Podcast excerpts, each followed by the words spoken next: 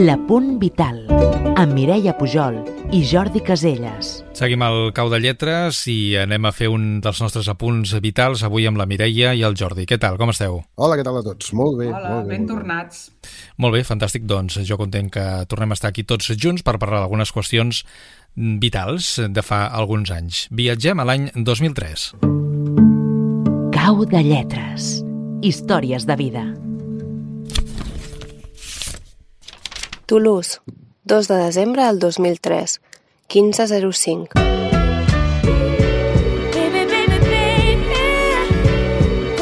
I saw you, I really, really want to catch your eye. Hola, Esteve, què tal tot? Per fi m'he decidit a escriure't. És que costa posar-t'hi, però un cop hi ets, ara et fotré tot el rotllo. Buf, quin cap de setmana, ha estat brutal. Ha estat molt de tranquis, però jo sincerament m'ho he passat genial. Quin far de riure. Mil gràcies per venir, en sèrio. No saps el que s'arriba a agrair una visita com aquesta aquí. Buf, Esteve, t'he de donar les gràcies per tantes coses. Gràcies per pujar a Toulouse. Saps? Mai hagués imaginat que serien els amics de la meva parella els que pugessin tan sovint a veure'm. Ho poso entre cometes, perquè també us considereu amics meus hores d'ara. Els esforços que fas i el poder pujar a Toulouse, i és algo que realment m'arriba al cor. I a sobre el paquet que ens vas enviar. Va ser brutal. Una pujada d'adrenalina, tot i que ens vas tocar la vena sensible amb la carta, eh? Mil gràcies. Si ja ho dic jo, que ets un sol. Esteve, una persona impressionant. Només fa un any que et conec, però t'he agafat molt, molt carinyo. Et fas estimar en sèrio, no tinc paraules, només dir-te que no canvis mai, que ets genial. I saps què? M'encanta quan m'expliques les teves coses. No perquè sigui una maruja, sinó perquè em preocupo per tu i m'agradaria ajudar-te en tot el que sigui possible. Una persona com tu no es mereix passar-ho malament. Així que només et volia dir que si algun dia necessites parlar amb algú, aquí estic per escoltar-te i ajudar-te en tot el que pugui, d'acord? No ho dubtis.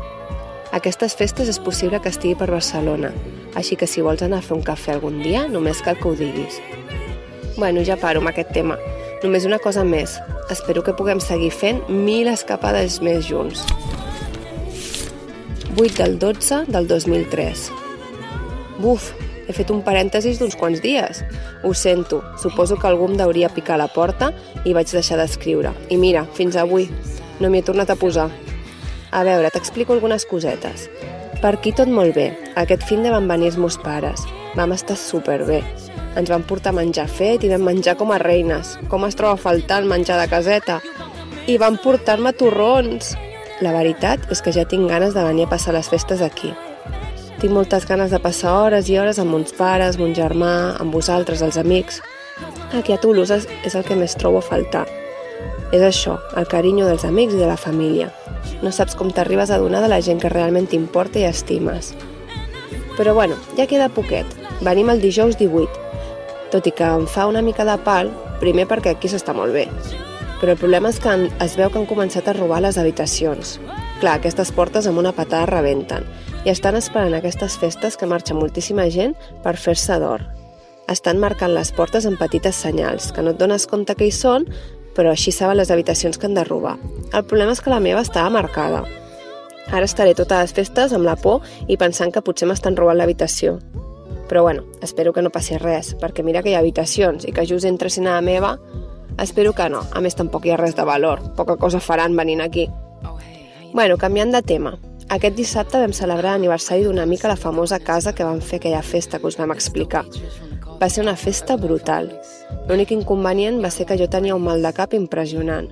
Però bueno, em vaig estirar un ratet i es va acabar passant. I res, vaig poder continuar disfrutant de la festa. Després de la casa vam anar a Saint-Pierre, al bar que també vam anar amb vosaltres. Al final vam acabar portant la Clara i jo al noi del cumple, arrossegant fins a la seva habitació, posant-li el pijama i esperant que es dormís. Anava molt, molt begut. Total, que em posava a dormir a les set i mitja del matí i a les vuit i mitja ja estava en peu perquè volia anar a esmorzar amb uns pares. Quina son! I l'altre dia li van dir a la Clara que feia cara de mòtar. Ens vam estar rient una bona estona, que bo. Sobre d'any nou encara no sé res. Ja estic pressionant els meus amics perquè em diguin alguna cosa, però no hi ha manera, com sempre fins a últim moment. Sincerament m'agradaria moltíssim tornar-ho a passar a Talamanca amb vosaltres, ja veurem. Bueno, carinyet, et deixo, que em vaig a dutxar i a sopar, que avui també tornem a celebrar un aniversari. Avui dilluns, sí. Però bueno, avui anem de tranquis a prendre alguna cosa. Molts petonets, guapo, i a veure si ens veiem aquestes festes, que espero que sí. Cuida't molt i ànims amb la feina, que ja queda poc. Mil besitos. So what day did you say?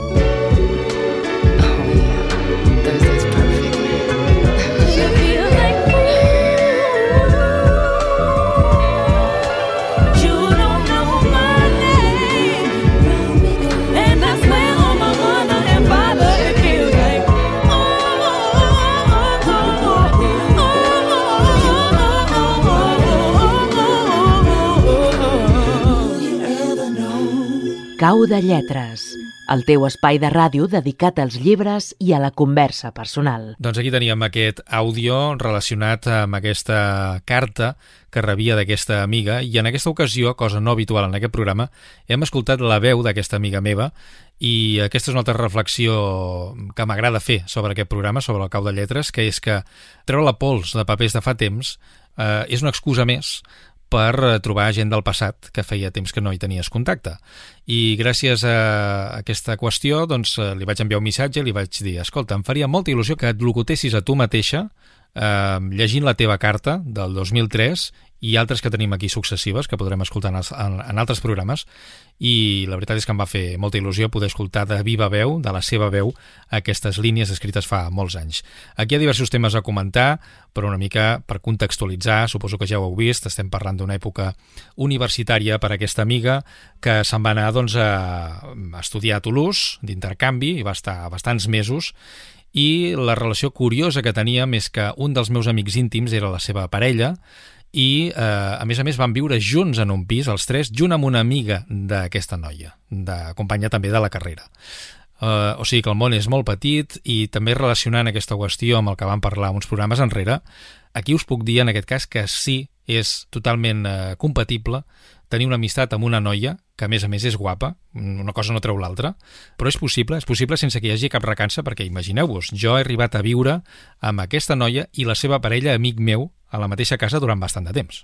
Com ho veieu, això? Tinc preguntes abans de fer cap uh, d'això. Quan tu l'anaves a veure, mm, ella vivia amb, amb, amb, amb el teu amic allà a Toulouse? No, no vivíem junts encara, això va ser posterior a aquesta època de Toulouse, i aquesta noia vivia a casa seva, els, el meu amic vivia a casa dels seus pares i jo vivia a casa meva. És a dir, que encara... I l'anaves a veure tu sol en ella? No, no, no. Normalment hi anàvem els dos.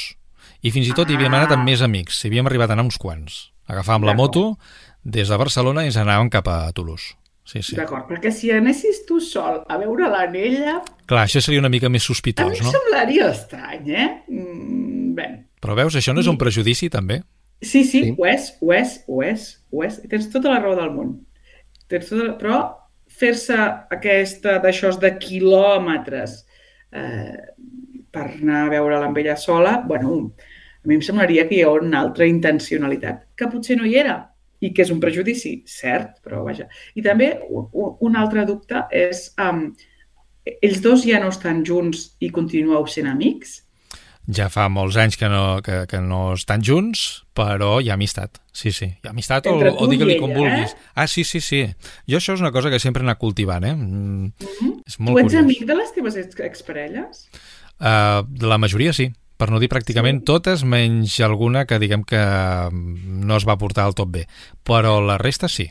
I, i no és molt... mm, mm, Però vull dir, entre que ho deixeu i que passeu a ser amics, deixeu un temps de marge. Hi ha un període i de vegades és incompatible, per això dic que, que en algun cas ha sigut impossible, però en la resta sí. Sí, Eh. perquè normalment quan ho deixeu, ho deixa un, l'altre no vol ser deixat i necessita el seu temps de dol, no? De, Correcte. No em diguis res perquè ara mateix no puc acceptar una amistat perquè jo el que voldria és alguna més, no? Crec, correcte, eh? correcte, sí, sí. Eh, Evidentment les emocions i el cor són com són i per tant eh, no pot ser tan fred com per dir doncs a partir de demà eh, la nostra relació és una altra i no te'n recordes de res del que Clar, feies clar. fins ahir, no? Això és evident, Clar. és evident. És que fins i tot trobar-te-la dius, ai, que li faig un petó als llavis o un petó a la galta, que, ra... que estrany, no? Això, ja dic, l'únic cas que no he pogut eh, aconseguir aquesta amistat és perquè ho vaig passar realment molt malament després d'un trencament, perquè jo em seguia veient amb aquesta persona, perquè ella ho feia teòricament de bona fe, doncs diguem per no fer un trencament tan bèstia, però al final va arribar un punt que a mi m'afectava tant que és que es va haver de deixar aquesta relació d'amistat perquè és que no era compatible. No podies ser-hi amic. Mm, bé, hi havia un rerefons que no podia oblidar i que crec que ara, de fet ens hem vist després i m'ho he plantejat. Mm, podries ser amic de nou d'aquesta persona? Bé, amic. De fet, si som analítics, jo mai havia sigut amic d'ella, perquè Clar. la vaig conèixer i directament vaig ser parella, no? Per tant, podria arribar a ser amic a partir d'ara? Doncs no ho sé. No ho sé, no ho sé. Jo, personalment, diré que no, que jo no, no podria. Eh, De fet, jo només tinc una ex, de la qual doncs ja quan es va haver-hi la, quan va haver-hi la ruptura definitiva ja no en vaig saber res més. Jo crec que no podria ser con- continuar sent amic. I volia fer un parèntesi sobre una cosa interessant que has dit tu, Mireia. És que m'ha fet molta gràcia, un, però és un parèntesi, eh? Que diu, em veig amb ella i no sé si li haig de fer un petó als llavis o un petó a la galta. Clar, perquè si el dia anterior us estàveu fent un petó als llavis, no? Sí, sí, clar, clar. No, no, evident. Avui, mm, de cop i volta, ja no tinc el permís Sí. per fer-nos un petó als llavis. Extrapolant això, hi ha, una, hi, ha una, hi ha una diferència en això? O sigui, uns bons amics, només amics, no es poden fer un petó als llavis, si volen? I perquè de vegades hi ha eh, pares No? i fills que es fan petons als llavis i exemple. altres ho veiem com una mica estrany. Jo crec, tornem Sí. al tema que vam parlar fa dies, eh? els convencionalismes Jo, eh, imperen. mm. Ho he dit perquè jo ho faig, sí. El que ha dit l'Esteve, jo en aquest cas, Esteve, jo ho faig, sí. Sí, perquè això ja també em ve de pares i amb el Jan també ho fem. Sí. Eh? I jo si tingués, que no és el cas, eh? però jo podria tenir una molt bona amiga, si la tingués, eh? O, o si la meva dona tingués un bon amic i, i féssim un petó I no et sabria greu, eh? No, no, no, no, en absolut. No et sabria greu que ella es saludés fent-se un petó amb una persona molt concreta, o sigui, amb, estem parlant d'una persona, no amb el primer que passa, ja m'entens, eh? Amb una persona de confiança i tens amistat i que saps que no, això. No, no, no, no em sabria greu. Mm, Baixant el nivell és com si, perquè, eh, es fa, perquè eh, normalment, no?, se saluden dos nois que es donen la mà i el noi amb la dona li fa els dos petons i la... No, jo faig dos petons amb els nois, també. I és que aquestes distincions no les veig, no? Doncs jo preferiria donar-me la mà. Tu preferies donar-te la mà. Amb, les, amb els amics no, eh? Amb els amics no.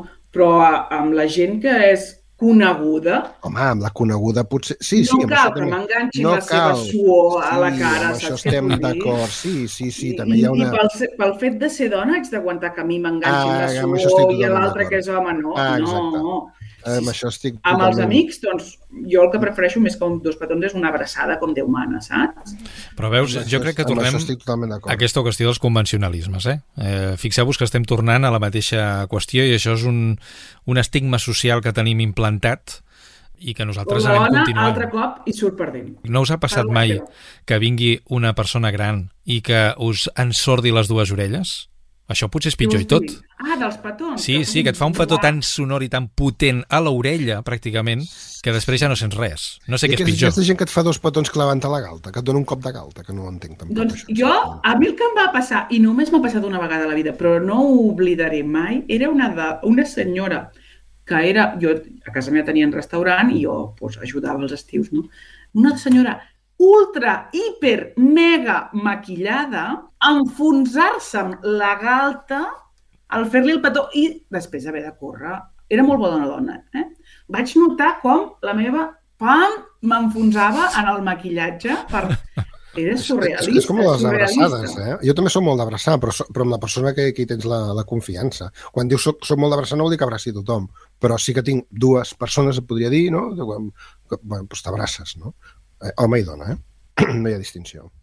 Bé, hem començat Atracció. parlant d'amistat d'època universitària. Ja per acabar, si et sembla tu que ets professora universitària, Mireia, això de les festes eh, universitàries del dijous continua encara vigent o no? Doncs mira, és curiós perquè jo dono les, les faig les classes, perquè es diu que no donem, els catalans no donem res, ni petons ni abraçades fem. No? Mhm. Doncs jo faig les classes els dijous de 5 a 8 del vespre, però crec que no venen molts d'ells, perquè l'altre dia vaig passar llista, però perquè no els interessa la matèria o perquè se'ls hi fa molt feixuga i no per les festes. No ho sé. De fet, no ho sé. De fet, estava pensant que va venir un home l'altre dia a classe i em va dir que només li quedava la meva assignatura per treure's la carrera. I vaig dir, mare meva. I tenia tre- 40 anys, estava estudiant la carrera. Uh -huh. Déu-n'hi-do, quina fe. Molt bé, molt bé. sí, sí. Però no sé, no sé com està el tema de les festes universitàries. Ja faig com els polítics, mm, responc a altres coses. Fuig d'estudi, no? Sí, exacte. Molt bé, doncs, eh, Mireia Pujol, Jordi Caselles, seguim parlant en un altre moment aquí al Cau de Lledres. Gràcies, Esteve, a tu, que vagi bé. Que vagi bé. Adéu, Mireia. Adeu.